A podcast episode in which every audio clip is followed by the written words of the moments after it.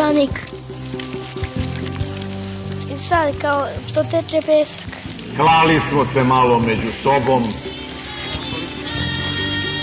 časkali, prebirali po sećanju. Srbi krenuli za kulturom, za civilizacijom evropskom, za modom evropskom. O, leševi srpski! Nacionalizam kod nas nije isto što nacionalizam u Francuskoj. Peščanik. Jer možete govoriti kao što Francuzi piju za ručak vino, mi smo alkoholičari, mi ne smemo ni kap vina da pijemo. Ajde dalje. Napustimo mračni i sramni Beograd. Iza nas nerazuman lelek nedostojnih, Peščanik. ispred nas ciljevi uzvišeni, Ovde ljudi još uvek masovno misle da socijalizam nije tako rđe. Može, treći put vodi pravo u Afriku. Ekonomski uvek, ako hoćemo tamo, onda smo na pravom putu. iznad nas zver koja nas vodi putevima gospodnjim.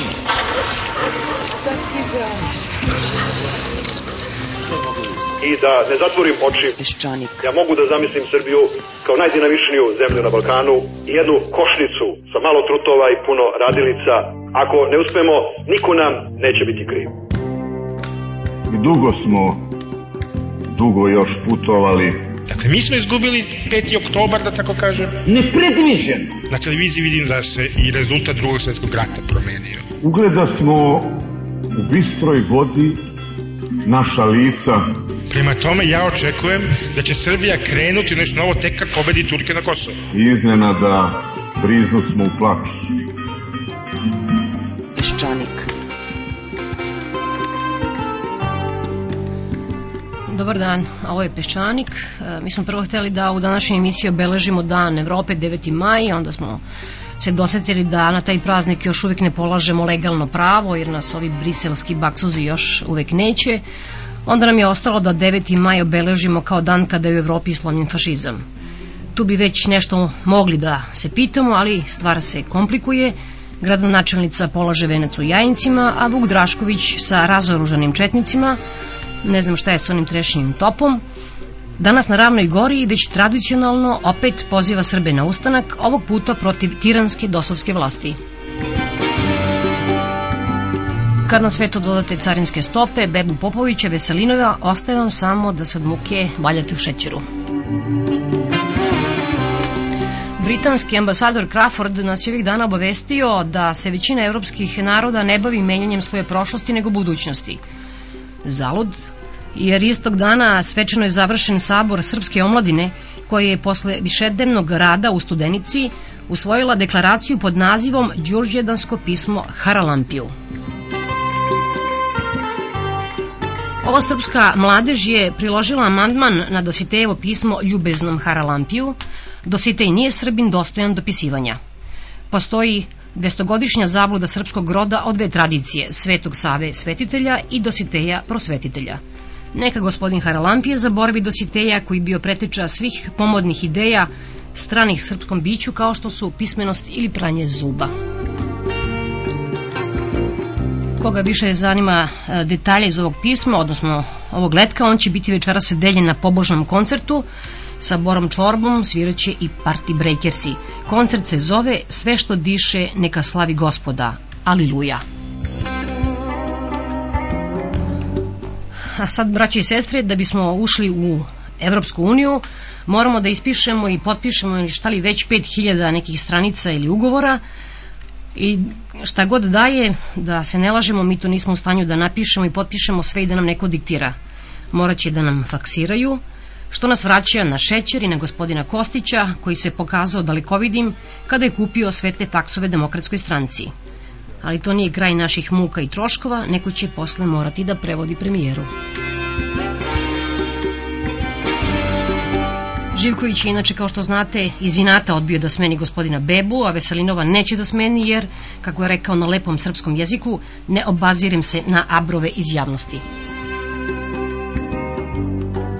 Još ćemo se vraćati na abrove o šećeru, na primer, ali prvo da vidimo zašto se, na primjer, godišnjica Titove smrti seti samo Jovanka Broz. Govori istoričar Todor Kuljić.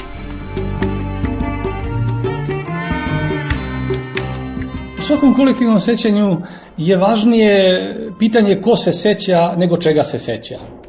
Prošlost uvek e, više govori o sadašnjosti nego o prošlosti. Kada je reč o Josipu Brozu Titu do sada se to kolektivno javno mijenje kolebalo između njegove glorifikacije i demonizacije. Izgleda ovo što ste vi rekli da smo sad od pre neku godinu ušli u treću fazu odnosa prema Josipu Brozu, a to je ignorancija. Neka vrsta organizovanog zaborava. Ovaj prostor je bio prostor permanentnog ratnog stanja. Taj režim je autoritaran bio, ali je omogućio ovom prostoru skoro pola veka nezamislivog mira. Tito je bio poslednji balkanski Habsburg, kako ga je nazvao Alan Taylor, britanski istoričar. 1991. godine se pokazalo da je Gorbačov bio poslednji evropski Habsburg. Habsburg da, znači je sinonim nadetničkog vladara, vladara koji je kadar da jednim šarolikim etničkim prostorom vlada, na relativno beskonfliktan način. Dakle, Tito je bio taj poslednji Habsburg na Balkanu.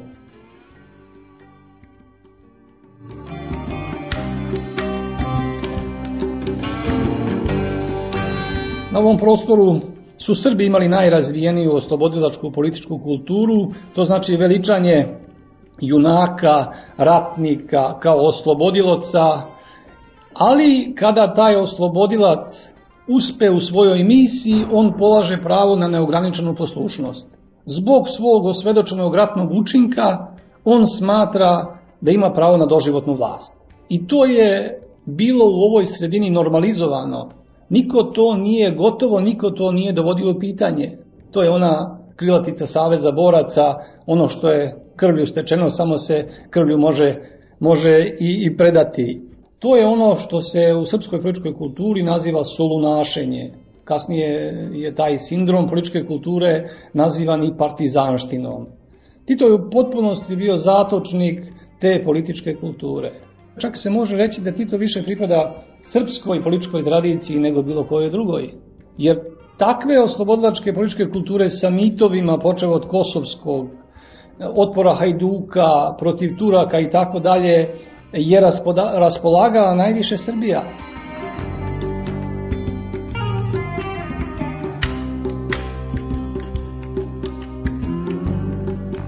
Fiksiranje nultog časta je trivialnost svake politike. Josip Broz nije bio izuzetak od toga. U domaćim učbenicima i u nauci 45. je bila nulti čas. 90. godina. Neka vrsta nultog časa je bila osma sednica ili onaj gazimestanski skup.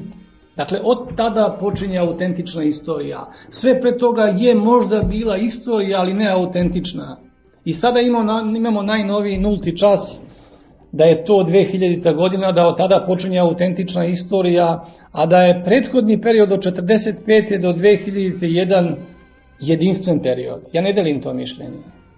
Mislim da se Miloševićevi Tito period u biti razlikuju. Milošević jeste bio levičar. Međutim, njegova ključna, ključni stavovi njegove nacionalne politike su diametralno suprotni od Titove. Tito je bio bolševik. U bolševizmu još od Lenjina važi načelo. Nacionalisti se bore protiv tuđeg, a komunisti protiv svog nacionalizma. Dakle, to direktivno pravilo da srpski komunista treba da se bori protiv srpskog, hrvatski protiv hrvatskog uopšte nije formalno.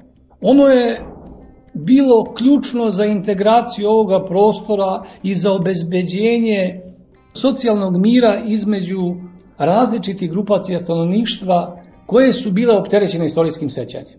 Bojim se da nije bilo takvog dekretiranog sećanja i tog dekreta da svak treba da se bori protiv svog nacionalizma, da bismo mi još pre doživeli ovo što smo doživeli 90. godina. 90. godina jeste bila krupna prekretnica i između Tita i Miloševića ne postoji suštinski kontinuitet. Postoji jedna vrsta ideološkog kontinuiteta i ne može se reći da Milošević nije bio opsadno Tito. Tu su pravo ovi koji smatraju da je to jedan period. Međutim, za ovaj prostor je daleko važnija ova druga strana, da je nacionalna strategija bila potpuno oprečna. Osim toga, verovatno se i psihološki razlikuju Tito Milošević. Milošević je bio autoritarniji od Tita. Ja se nisam bavio istraživanjem Miloševića, jer taj čovjek meni nije bio zanimljiv. Što? Pa nije mi bio zanimljiv Pravo da vam kažem zbog toga što se na jednom moćnom upropastitelju ne može teorija oprobati. Koliko teorija može da pokaže neke svoje kvalitete i neke svoje objašnjavalačke mogućnosti na ličnosti koja je istorijski mnogo značajnija.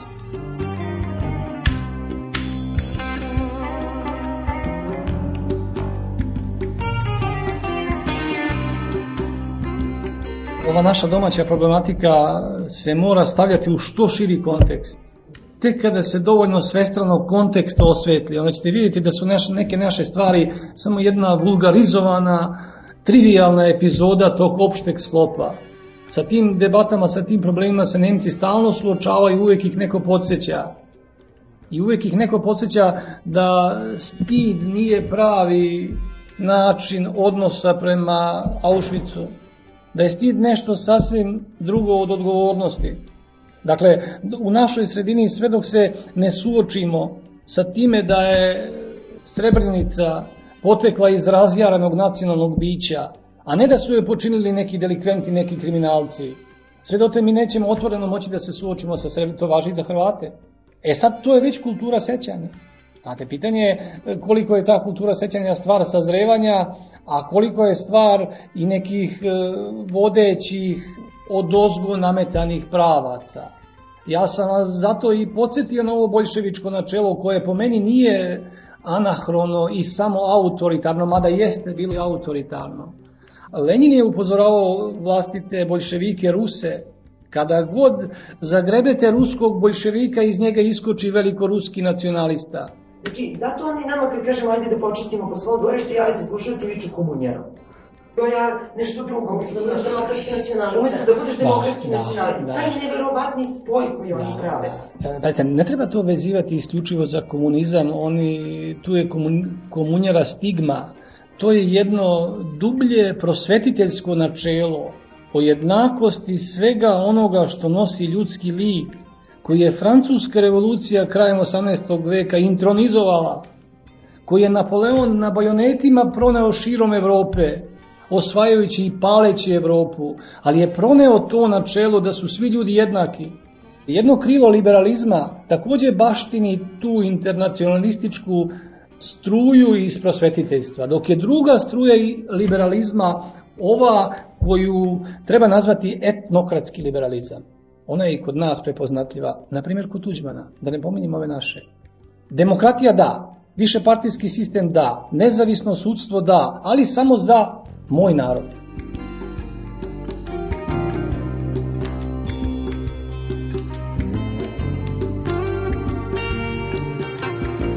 Imate tu u Valzer debati koja je vođena u Nemačkoj oko ovog novog spomenika Holocaust Denkmal u Berlinu, ta monumentalna građevina koja je već počela da se gradi i koja je podelila Nemačku na jedan manjinski konzervativni deo koji smatra da je taj spomenik ubijenim jevrejima monumentalizacija nemačke sramote. Dok druga struja sa Habermasom koji prednjači u tom ustavnom patriotizmu, ja sam veran ne Nemačkoj kao naciji, nego Nemačkom ustavu, smatra da treba ići do kraja.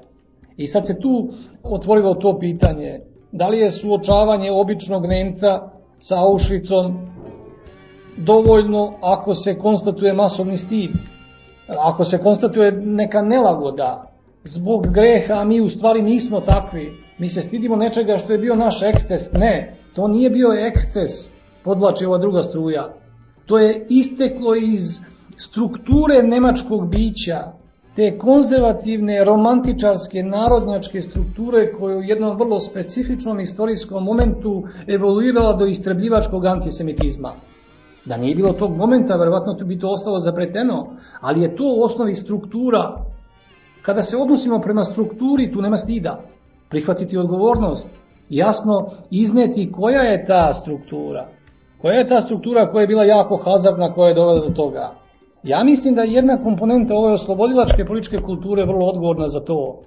Mi smo bili na Kajmakčalanu, govorio je Puniša Rakčić, Radić u 28. godine u Skupštini.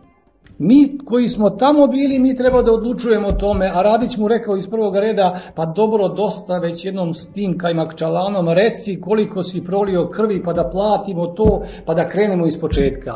I onda je revolver proradio. Treba otvoreno, dakle, izneti tu hazardnu unutrašnju strukturu razjarenog nacionalizma. Ne osvrći se na to hoće li susedi to uraditi ili ne. Jer ako bi se osvetali ko će prvi da počne, niko ne bi počeo. Neko treba u tome da prednjači. I poči s tim šta je to što je, što je u tom genocidu, u tom etničkom čišćenju bilo trajnije od kriminala, od prolaznog trenutka, od slabosti nacije, nego šta je ono što je istorijski tu konstantno, što je u jednom vrlo nepovoljnom momentu eksplodiralo. To treba sasvim jasno definisati i to znači suočiti se sa prošlošću.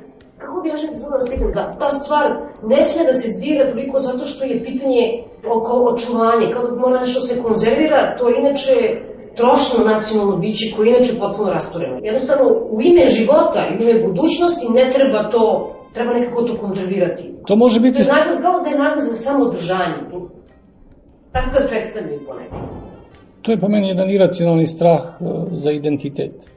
Da ćemo se mi izgubiti ako suviše blatimo vlastitu nacionalnu prošlost.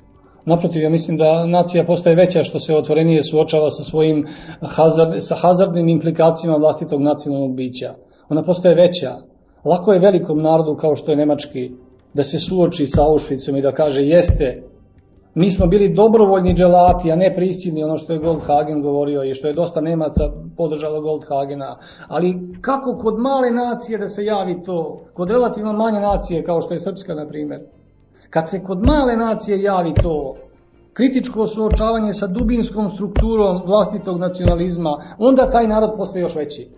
Naravno, imate i niz drugih pragmatičnih razloga i ne znam kojih ja drugi zbog čega se kritikuje takvo, takav način ophođenja prema nacionalnoj prošlosti, od cehovskih, akademije nauka, istoričari, partijskih, nacionalna partija koja bi izgubila rejting kod birača ukoliko bi počela da kritikuje vlastite nacionalne stramputice, pa do nekih ličnih e, identitetskih problema, Znate, kad je nestao socijalizam, e, nisam više komunista, šta sam, nešto moram biti.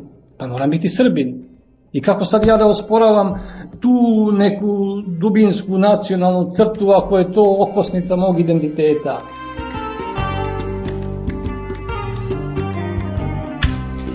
Sada malo o Evropi. Demokratska stranka Srbije tvrdi da je već tamo.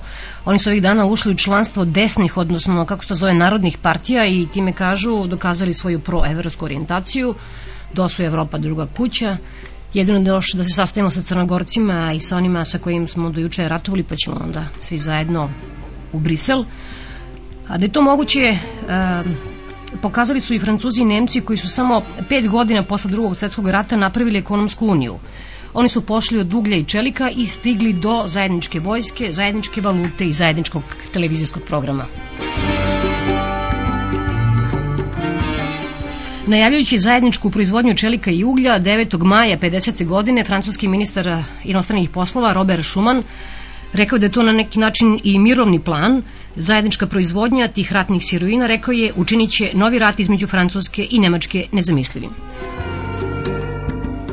A sada slušate profesora Jovana Teokarovića i našu Golgotu, odnosno probleme na tom putu prema Evropskoj uniji.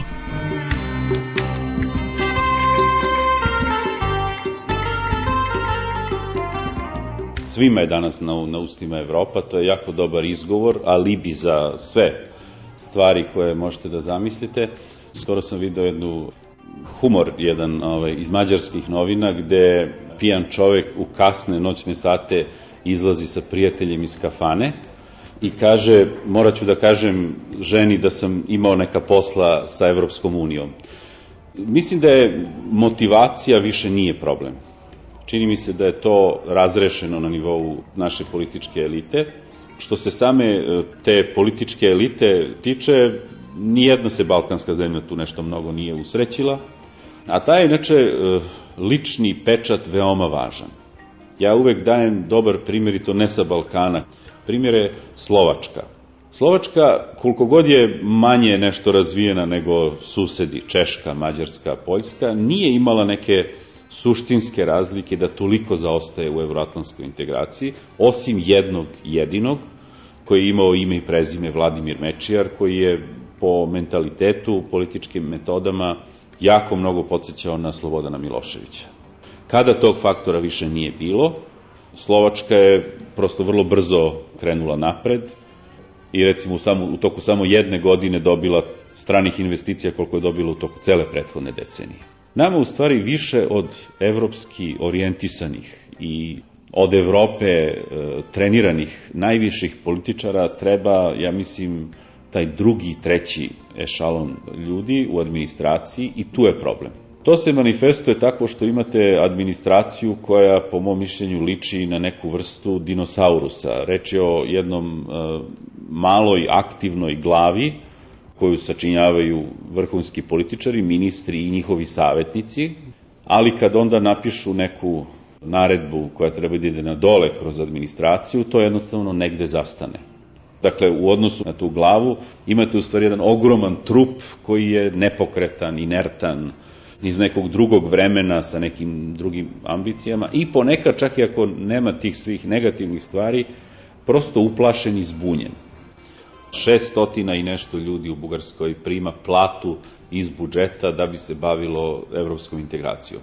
U okviru toga čak i ima cela ekipa stručna koja sedi u bugarskom parlamentu i pomaže poslanicima. A poslanici su opet drugi, ja mislim, ovaj problem, koji stoji pred nama, čini mi se da bi tu uh, jedno i obrazovanje i jedan partijski bič, ako tako mogu da kažem, morao da odigra veliku ulogu. Ja sam imam dosta kontakata sa poslanicima. Interesovanje je tako malo da je to prosto skandalozno. Mi ćemo recimo imati vrlo brzo, verovatno, u parlamentu novi način usvajanja zakona, to je takozvano fast track zakonodavstvo, dakle ono koje se rešava na brzi način. Naši parlamenti, između ostalog, malo rade.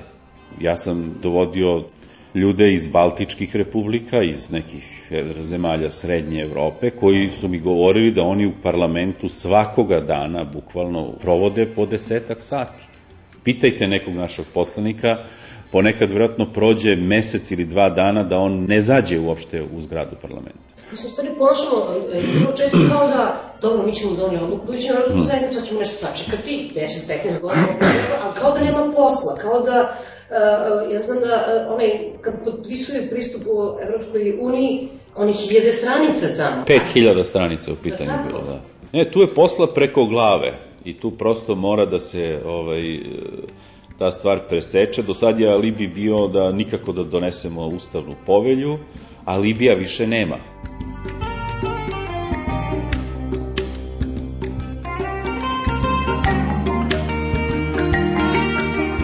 Znam slučajno da recimo jedan naš veliki dnevni list nije hteo da objavi dva pasusa vesti o tome kada je Hrvatska podnela zvaničnu kandidaturu za članstvo u Evropskoj uniji pre dva meseca, smatrajući da to nije važno. Ja naprotiv mislim da je to izuzetno važno, ne zbog Hrvatske, nego zbog nas da skinemo prosto taj jedan veo e, neke uobraženosti e, koja karakteriše dosta ovaj, mentalitet ljudi kod nas i da vidimo da neko radi bolje i brže od nas i da je stvar u tome da ga mi stignemo, a ne mrzimo ili zatvaramo oči pred tim. Takođe, vrlo se malo zna da je, recimo, i Albanija započela pregovore o ugovoru o stabilizaciji i pridruživanju. Dakle, nešto što će na dnevni red u našoj zemlji u optimističkoj varijanti možda doći krajem godine.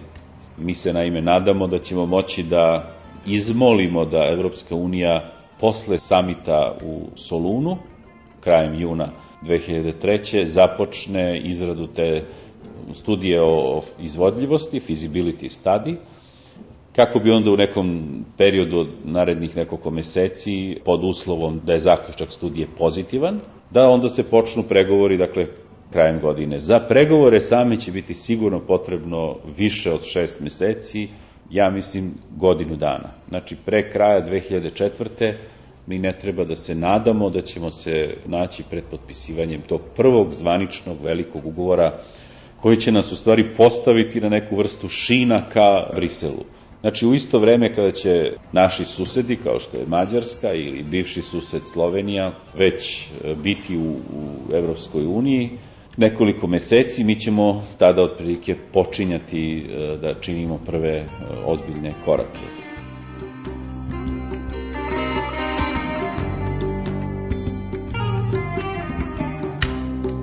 Odlaganje ulaska u Europsku uniju briše sve prednosti motivacije da se bilo šta u stvari uradi u toj e, oblasti. Zato je predlog da se u stvari izmeni e, model po kome Zapadni Balkan ide u Uniju i da se on što više moguće približi modelu koji je bio važeći za zemlje koje su evo sad upravo potpisale svoju člansku kartu. To bi značilo da se na svakom koraku tog dugog i teškog i mukotrpnog puta može tačno identifikovati progres koji smo učinili i da se taj napredak meri nekom vrstom nadoknade, ako mogu tako da kažem, koju dobijamo od Brisela. Prema tome, ako se, na primer, domaći zadatak koji se zove ugovor o stabilizaciji i pridruživanju obavi brzo i dobro, mi dolazimo na belu šengensku listu. Prema tome možemo da putujemo u zapadnu Evropu, kao što sada, recimo, Hrvati mogu da, da putuju već odavno. Takođe smo predložili da se poveća količina virtuelnog članstva u Evropskoj uniji. To je izraz koji je Romano Prodi upotrebio baš u Beogradu ovde ovaj, u novembru 2000. godine.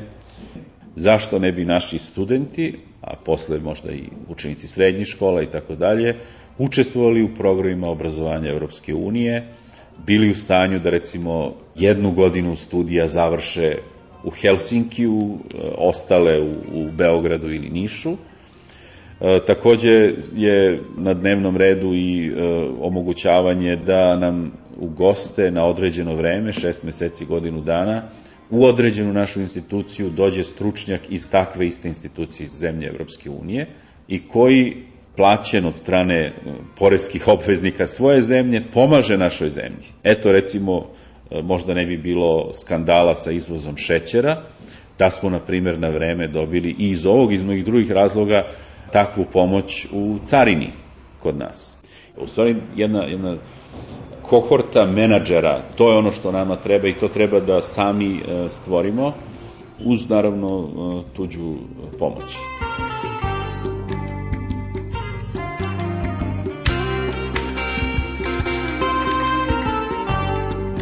Ja stalno pokušavam, kad se vidim s tim ljudima iz Brisela, da otkrijem kako se pisao Beogradski sporazum i Ustavna povelja i oni se kunu da oni nisu to napisali, nego da su ti dokumenti napisani u našoj zemlji. Mislim da je to informacija koja je dosta važna za našu javnost, ako je tačna, ja ne znam.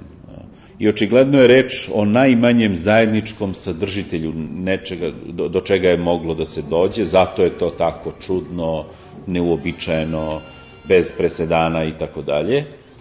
Ali Evo još jednom da reklamiram primer Kipra. Kiprani nisu uspeli, dakle Grci i Turci zajedno, da se sada dogovore pre atinskog sastanka u aprilu i da zemlja kao celina potpiše e, da se pridružuje Evropskoj uniji. Koliko sam ja shvatio Grke, e, bilo je važno u jednom trenutku da se učini ustupak njima, da oni ne dozvole razne ustupke drugoj strani. Samim tim su paradoksalno možda rečeno, otvorene mogućnosti i mnogo su veće mogućnosti sadašnjeg sklapanja aranžmana sa celom zemljom. Ako Srbi razumeju Beogradski sporazum i Ustavnu povelju kao vreme u kome su morali da puno uh, toga daju uh, koncesija Crnoj Gori, da budu taoci, da budemo taoci, možda sada dolazi drugačije vreme iako srpska vlada nastavi da insistira na reformama, ako budemo, ružna je reč, dobri đaci, ne verujem da će mogućnosti daljeg e, insistiranja ili ucenjivanja iz Podgorice biti neiscrpni. Kanal Beograd-Podgorica nije jedini na kojem se taj posao radi, a kad budemo bliži Evropi za dve ili tri godine jedni i drugi, mislim da neće biti mnogo ni važno forma te zajednice.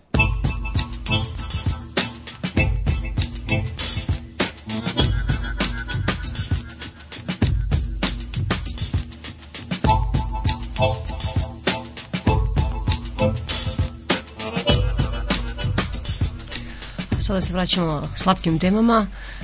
Šećeru govori gospodin Dimitrije Boarov, novinar vremena.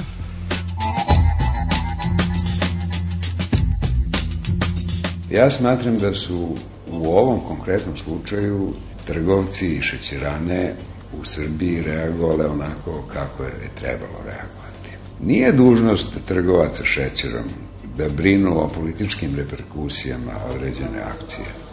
To je dužnost političara i izvršne vlasti.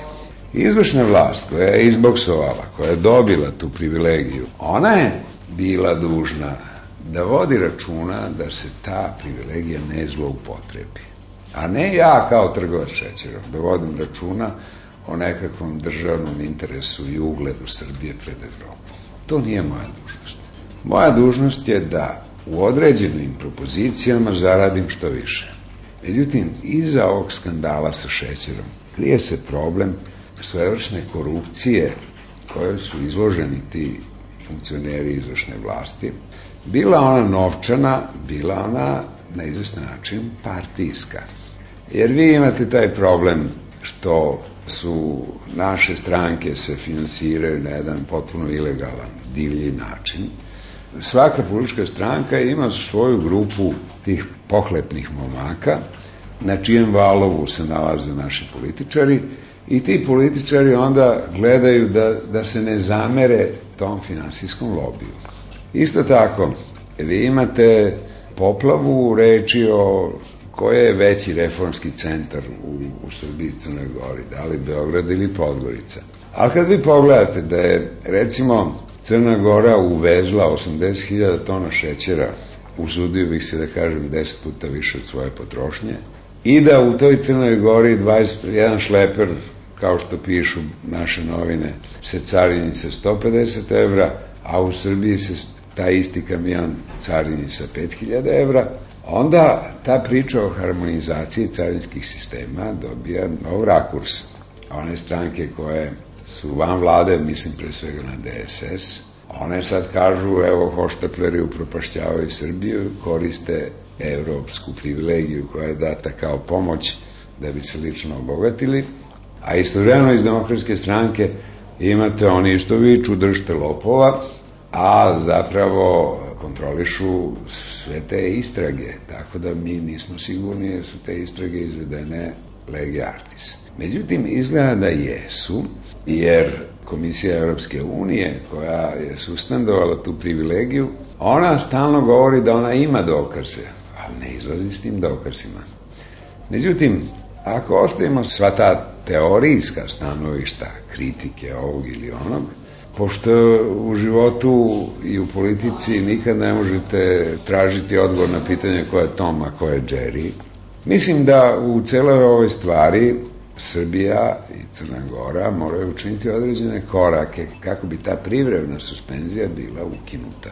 Jer e, na talonu je sudbina 100.000 ljudi, e, na talonu su interesi jednog širokog kruga seljaka koji su ovog puta zaseli 100.000 hektara pod repom, još ako osim suše dođe, nastavi se ta suspenzija, oni će nastradati, nastradat će radnici šećerana, nastradat će budžet, a ovi ljudi koji su se učlanili u jedno udruženje, onih koji uvek prolaze najbolje, oni će, možda neće iduće godine imati profit od 100 miliona, imaće 5 miliona, ali iz 5 miliona se može preživjeti.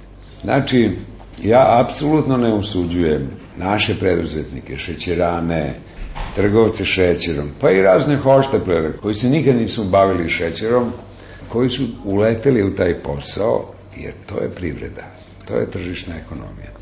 A privilegija je bila vrlo značajna, to se može vidjeti po tome što je koliko ja znam, dosadašnji rekord je bio 1985. godine, kad je proizvedeno u Srbiji 650.000 tona šećera.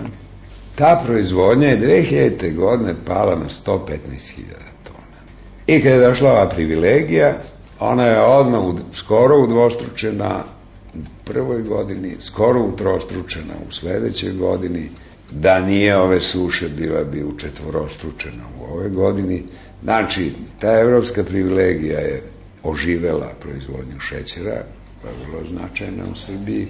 Ta privilegija je dobro iskorišćena od srpskih trgovaca, dobro smo zaradili, moguće da smo pretrali, ali to nije problem onih koji su zaradili, to je problem države.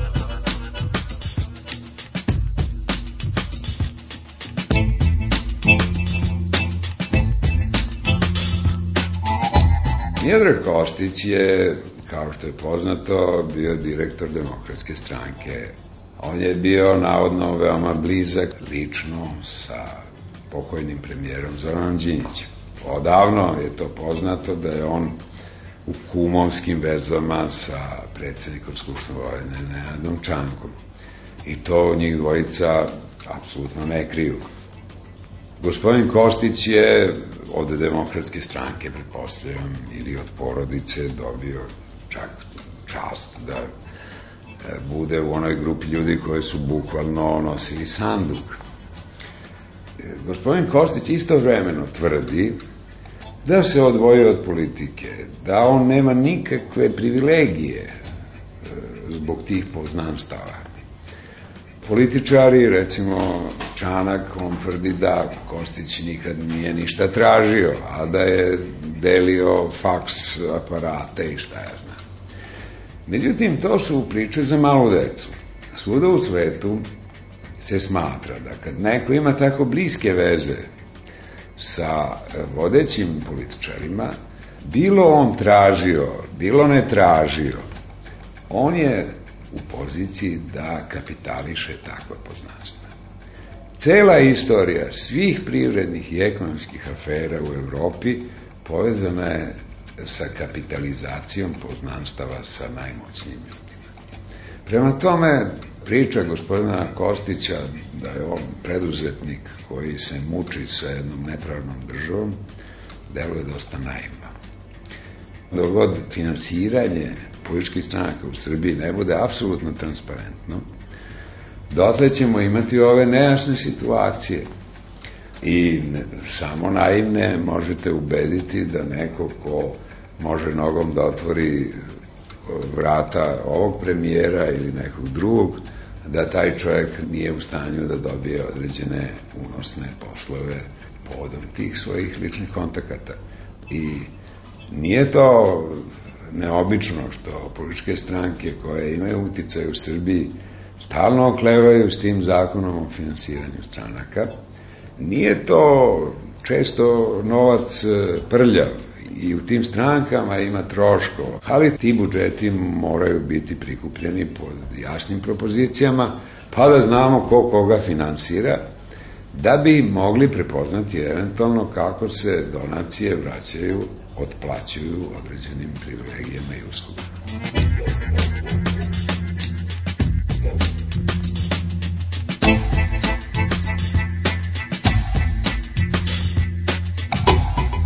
A u čega smo ušli posle ukidanja vanrednog stanja? Nijedan od problema politike u Srbiji ne proističe ni iz vanrednog stanja, ni iz ukidanja vanrednog stanja. Srbija se nalazi u jednom rasulu ideja, one ideje koje su propale i dalje hodaju javnom scenom. Mislim da su te snage doživele jedan veliki poraz, to vojnici ove govore. Pobeda je tu da se iskoristi. I sada se radi o tome da se diskusija ne vrati na nekakvo pred martovsko stanje. Sad čini mi se da i taj centar oko Kuštunice se ponaša kao da pluta po nekoj melasi zločina, krađa, akademi, memoranduma raznih, suludih, velikonacionalnih ideja, balkanske hegemonije. Pazite, to još uvek probija u tom sloganu Srbija lider na Balkanu. Pa zašto Srbija da bude lider na Balkanu? Ne, treba da budemo lider. Nek bude lider ko hoće. Mislim da i taj takozvani blok oko Koštunice, da je to propala priča. I ja vidim kod nekih političara, eto, da istaknem svog prijatelja Mileta Isakova, da e, i neke druge manje političke stranke traže neko svoje novo mesto u nekom novom rasporedu, gde neće imati dva klana koji se kolju oko vlasti i ubijaju jedan drugom lidere. Meni se čini da je u tom tragičnom događaju na sahrani premijera Zorana Đinjića reformska strana Srbije dobila mandat od građanstva. To se prosto osjećalo. I ja mislim da je ta vlada dobro krenula, ali imam osjećaj da polako gube dah, da nisu u stanju da učine dodatni korak, da se oslobodi taj vrh vlasti saradnja sa obogaćenim slojem, sa ratnim profiterima pre svega, jer znate, onaj ko se obogatio u Miloševiću u vreme tako abnormalno kao što postoje određeni 5, 6, 10 porodice u Srbiji, pa to se svuda u svetu zove ratni profiter, pa da se ne lažemo, možda oni nisu ni loši ljudi, ali oni su ratni profiteri. I ovaj, država ima legitimno pravo da podeli taj profit s njima u ime onih koji su osiromašili iz čijih leđa je zapravo skinuto to bogatstvo. Te velike porodice nisu se obogatile iz vasione, nego su leđa građana Srbije. Ja sam to probao gospodinu Bogoljubu Bukariću da objasnim. Da taj novac koji on zaradio, da, da on nije došao sa meseca, nego sa leđa građana Srbije, ali on to ne može da shvati.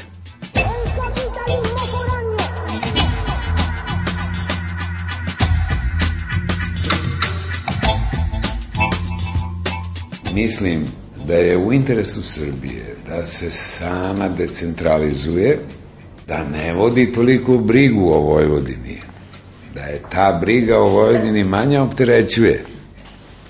Nek pusti malo da se i Vojvodina muči sama, da sama nešto odlučuje, a ne da se nalazi u toj idiotskoj poziciji da i najbolje odluke mora da dobija iz Beograda. Beograd nema kapacitet i besmisleno je da ga pravi da brine o celoj Srbiji. Ne treba da brine. Jer to je na zlo Srbiji kad se s jednog mesta vodi briga o svemu. Nije interes Vojvodine da Srbija potone u bedu. Interes Vojvodine je da pomogne i Srbiji u penzionim i u zdravstvenim i u drugim fondovima, ali o tome se ona mora mnogo više pitati. Vojvođanske stranke su bile sabijane pod zemlju. Vojvođanska ideja bila demonizovana 12 godina.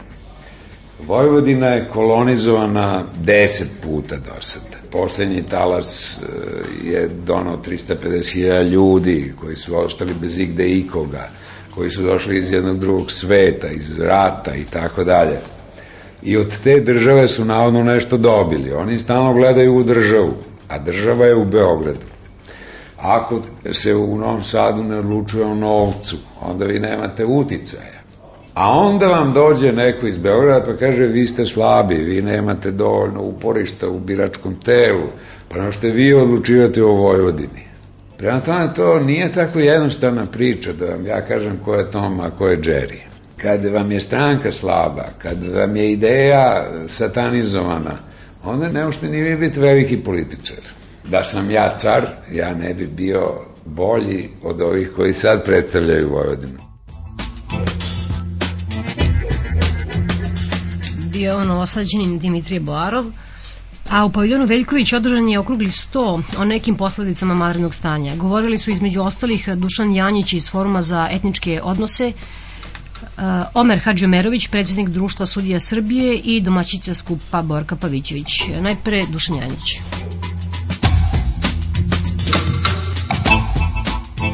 Ja spadam među one analitičare koji mnogi iz vlade ne vole, zato što smo cele 2002. godine objašnjavali da je Srbija zemlja visokog rizika. A naše analize koje su završene negde u decembru pokazale su da dolazi i period političkog terora, slabost institucija. Kad imate slabu državu, onda se zapravo red zavodi nasiljem izvan institucija. Drugo, slabost političkog vojstva, nekompetentnost, unutrašnja sukobljenost, gde je glavni faktor bio raspad onog primarnog DOS-a i sukob između DSS-a i DS-a. Treći faktor je ekstremizam u povlačenju, u gubitku. Kad imate ekstremističke ideologije koje gube, onda imate i pribegavanje terorizmu da imamo prvu posledicu ili prvu lekciju vanrednog stanja. Šta nama vlada stalno servira? Kriminal. Ona stalno vodi borbu protiv organizovanog kriminala u situaciji gde su tri faktora dovele do ubistva njenog premijera. Terorizam i ratni zločin. Vlada je ubrzano požurila da pošalje Stanišića u Hag. Vladi nikako ne odgovara da Stanišić odgovara pred nacionalnim sudovima. A Stanišić mora da odgovara pred nacionalnim sudovima, jer je jednostavno on kreator sistema koji nas je doveo do ovog rasula. On je stvari glavni tehnički izvođač ili menadžer. Pravljanja raznih važnih partija, kreiranja tajni dosijeja čak i za biznismene, ucenu političara i sadašnjih članova vlada putem dosijeja i uopšte jedne političke kulture. Ja lično mislim to je prva stvar na kojoj vlada sama sebi dala autogol. Ona je zapravo izgubila šansu da institucionalno pod njenom kontrolom vodi tu raspravu. Da će se rasprava sada voditi po aferama, kao što je afera Isakov. I naravno, mi koji smo bili u opoziciji sceni znamo da skoro nema dva ili tri političara u sadašnjoj vladi koji će moći da izbegne aferu. Sve će ostati u onoj, kako se zove, balkanski špijun. Najgora moguća varijanta za stabilnost. Dakle, možemo da predvidimo dalju destabilizaciju političkog vojstva Srbije. Druga stvar, i mislim da to glavni minus e, ponašanja, političkog ponašanja vlade, nije osmislila ratni zločin. Nije se suočila s činjenicom da je porazila mašineriju ratnog zločina. Ona je potpuno nesvesna da je uništila, što je dobro za društvo, mašineriju SPS-a, radikala Jula i sada sa Stanišićem izvođačem. Međutim, to njoj očigledno nije bilo važno. Nekim ljudima iz vlade je bilo važno da reše svoje unutar vladine probleme i da raščiste preko granice svoje moći sa političkim protivnikom. DSS, budimo otvoreni DSS, koji daleko od toga da je nevin u proizvođenju razloga za vanredno stanje. Daleko od toga. Znači, to je ono bitno političko prekoračenje koje je urađeno i koje nas je zapravo sad dovelo do jedne potpuno sulude situacije. Ja ne bih želeo da budem sudija. Ja sudijama želim sve najbolje. Ali situacija u kojoj moraju da sude za neke sporove koji su već proglašeni politički, kao što su Bulatović i Tomić, za neke sporove gde nemaju glavne izvođače, kao što su ubice premijera Đinđića, i nemaju glavne, nemaju ni organizatore, ni glavne ubice, to su stvarno krajnje nezahvalne situacije za jedno pravosuđe koje navodno na tim sporovima mora da pokaže da je novo. Plašim se da idemo jednu novu diskreditaciju pravosuđa. Sledeća stvar, organizovan kriminal. Da li je on poražen? Kakva se to borba vodila? Ja ne mogu da razumem kako oni misle da poraze, na prije, narkomafiju, a da ne prate njene tokove finansiranja. Da nije ministar za privatizaciju izvršio reviziju svih privatizacija izvršenih u godinu dana u koje je ušao keš više od 2 miliona eura, a ulazilo je po 25 miliona eura. Pazite, to je nešto što vam odmah govori da ćemo nažalost se suočavati sa drugom fazom borbe protiv organizovanog kriminala koja mora zahvatiti deo sadašnje vlade. Ovde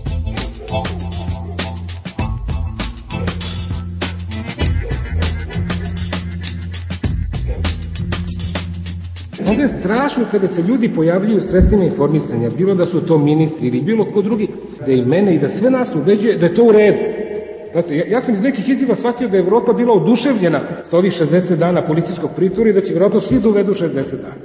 Nemojmo zaluđivati narod. Onda ministar pravde javno kaže, ove izmene zapravo je radilo Ministarstvo unutrašnjih poslova.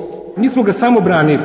Kako možete Ministarstvo poslova radilo zakone, znate, malo se izmešalo se sto stvari. Hoću da kažem da, da se ide na slabljenje institucije sudstva. Naprotiv, ajde da, da, da nađemo uzrok zbog čega je sudstvo, ako imalo toliki problem, a imalo ih je, ali ja opet tvrdim na ovoj meri u kojoj se to sada prikazuje, zašto je to dovelo do toga? Da li je to dovelo do toga što, što sudstvo bilo suviše nezavisno ili bilo suviše zavisno?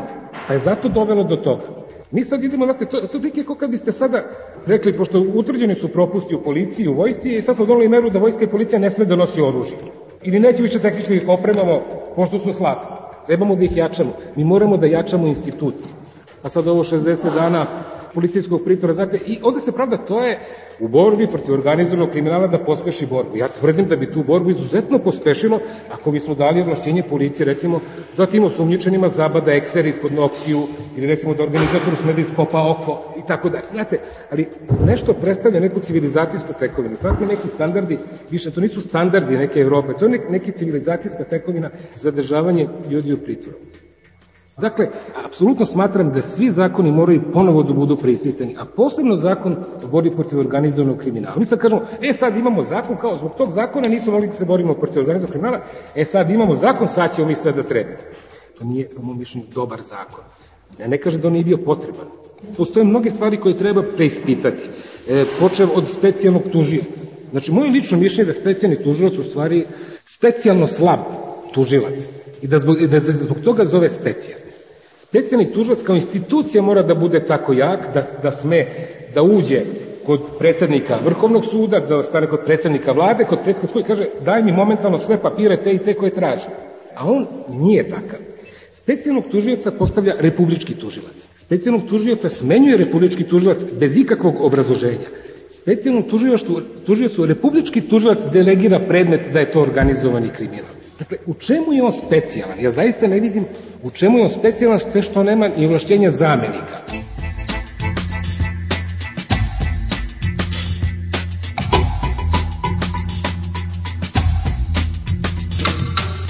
Ja sam bila na komemoraciji Ivana Stambolića u vladi Srbije, to je bilo prvi put. Svi ljudi koje ja poznajem toliko godina iz pred petoktobarskog vremena, mi smo svi stali u jednu sobu, mnogo manju od ove. U toj vladi imate one ne, jadne freske koje su toliko zapuštene da je to šteta pogledati i ne znam zašto ovi koji švercuju šećer ne poprave te freske. Dakle, ja poznajem celu tu vladu. Čedu iz demonstracija i dobar dan, tetka Vorka, zdravo, Čedo, dete, mislim, stvarno, ne znam šta bi čovek rekao, dakle, mi se svi znamo, razumete, prema tome u tom kontekstu ja sam mislila da će oni ljudi da to shvate, da treba da imaju sluha da nešto urade, odnosno, mislim, besmisleno je ljudi svađati se na ovakav način u jednoj ovolišnoj zemlji, sa tim tako ronulim slikama, sa tim tako pogrešno odevenim ljudima, u tako pogrešno vreme. Ja znam da je jedna epoha završena. Ja prepadam definitivno epohi koja je otišla. Ja nemam iste vrednosti sa tim ljudima. Ja sam ko egipatska iskopina u odnosu na televiziju Pink. I kažem da onda dok oni sede na Pinku, nema nikakve pravde. Dok ih preslišava, ona ženska, što kaže, a šta vi mislite o pomirenju, saznanju i ratnom zločinu. Dotle nema pomirenja. Kako da kaže, ja ne razumijem kako ljudi ne razumeju o kom se javnom stilu radi. Mislim da su ta pitanja užasno povezana i mislim da je to svaljivanje na pravnike, oprostite, ja znam vašu važnost, ali da je potpuno jedna besmislena društvena rabota, da su samo pravnici odgovorni za sprovođenje reda, pravde i zakona u jednom društvu. To prosto je, mislim, stvar koja, koja mi se čini da je degažiranje odgovornosti majku mu nije na sudu to da ako si nazočan u saobraćajnoj nesreći, a javna si osoba, zove se tako i tako, imaš podneti ostavku. Ne moraš da ideš u zatvor, to je pravna stvar, ne znam ko je kriv, ali postoj po toj posrnojoj nelici onaj čovek nije smeo tu ženu da pipa, pa gotovo. Dakle, postoje stvari koje se u politici ne rade. To, prostite, ne može ni jedan sud da donese da je ljudima važan primer za ugled.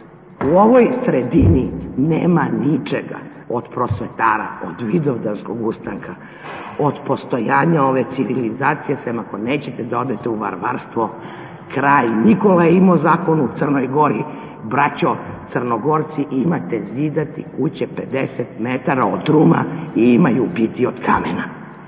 Dakle, zakon postoji da budva ne može da se surdukne umore. Nije u tome stvar. Stvar je u tome da ti kao predsednik opštine ne budeš prvi taj koji će da sazida tu kuću. Samo u tome je stvar da naša elita ne sedi po kućama koje bi trebalo da sruši.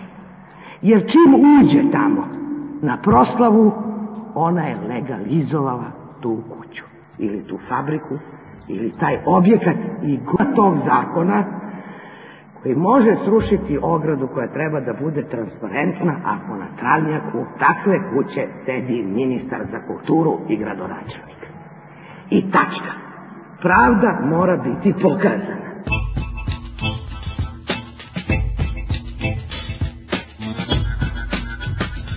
Bio Peščanik.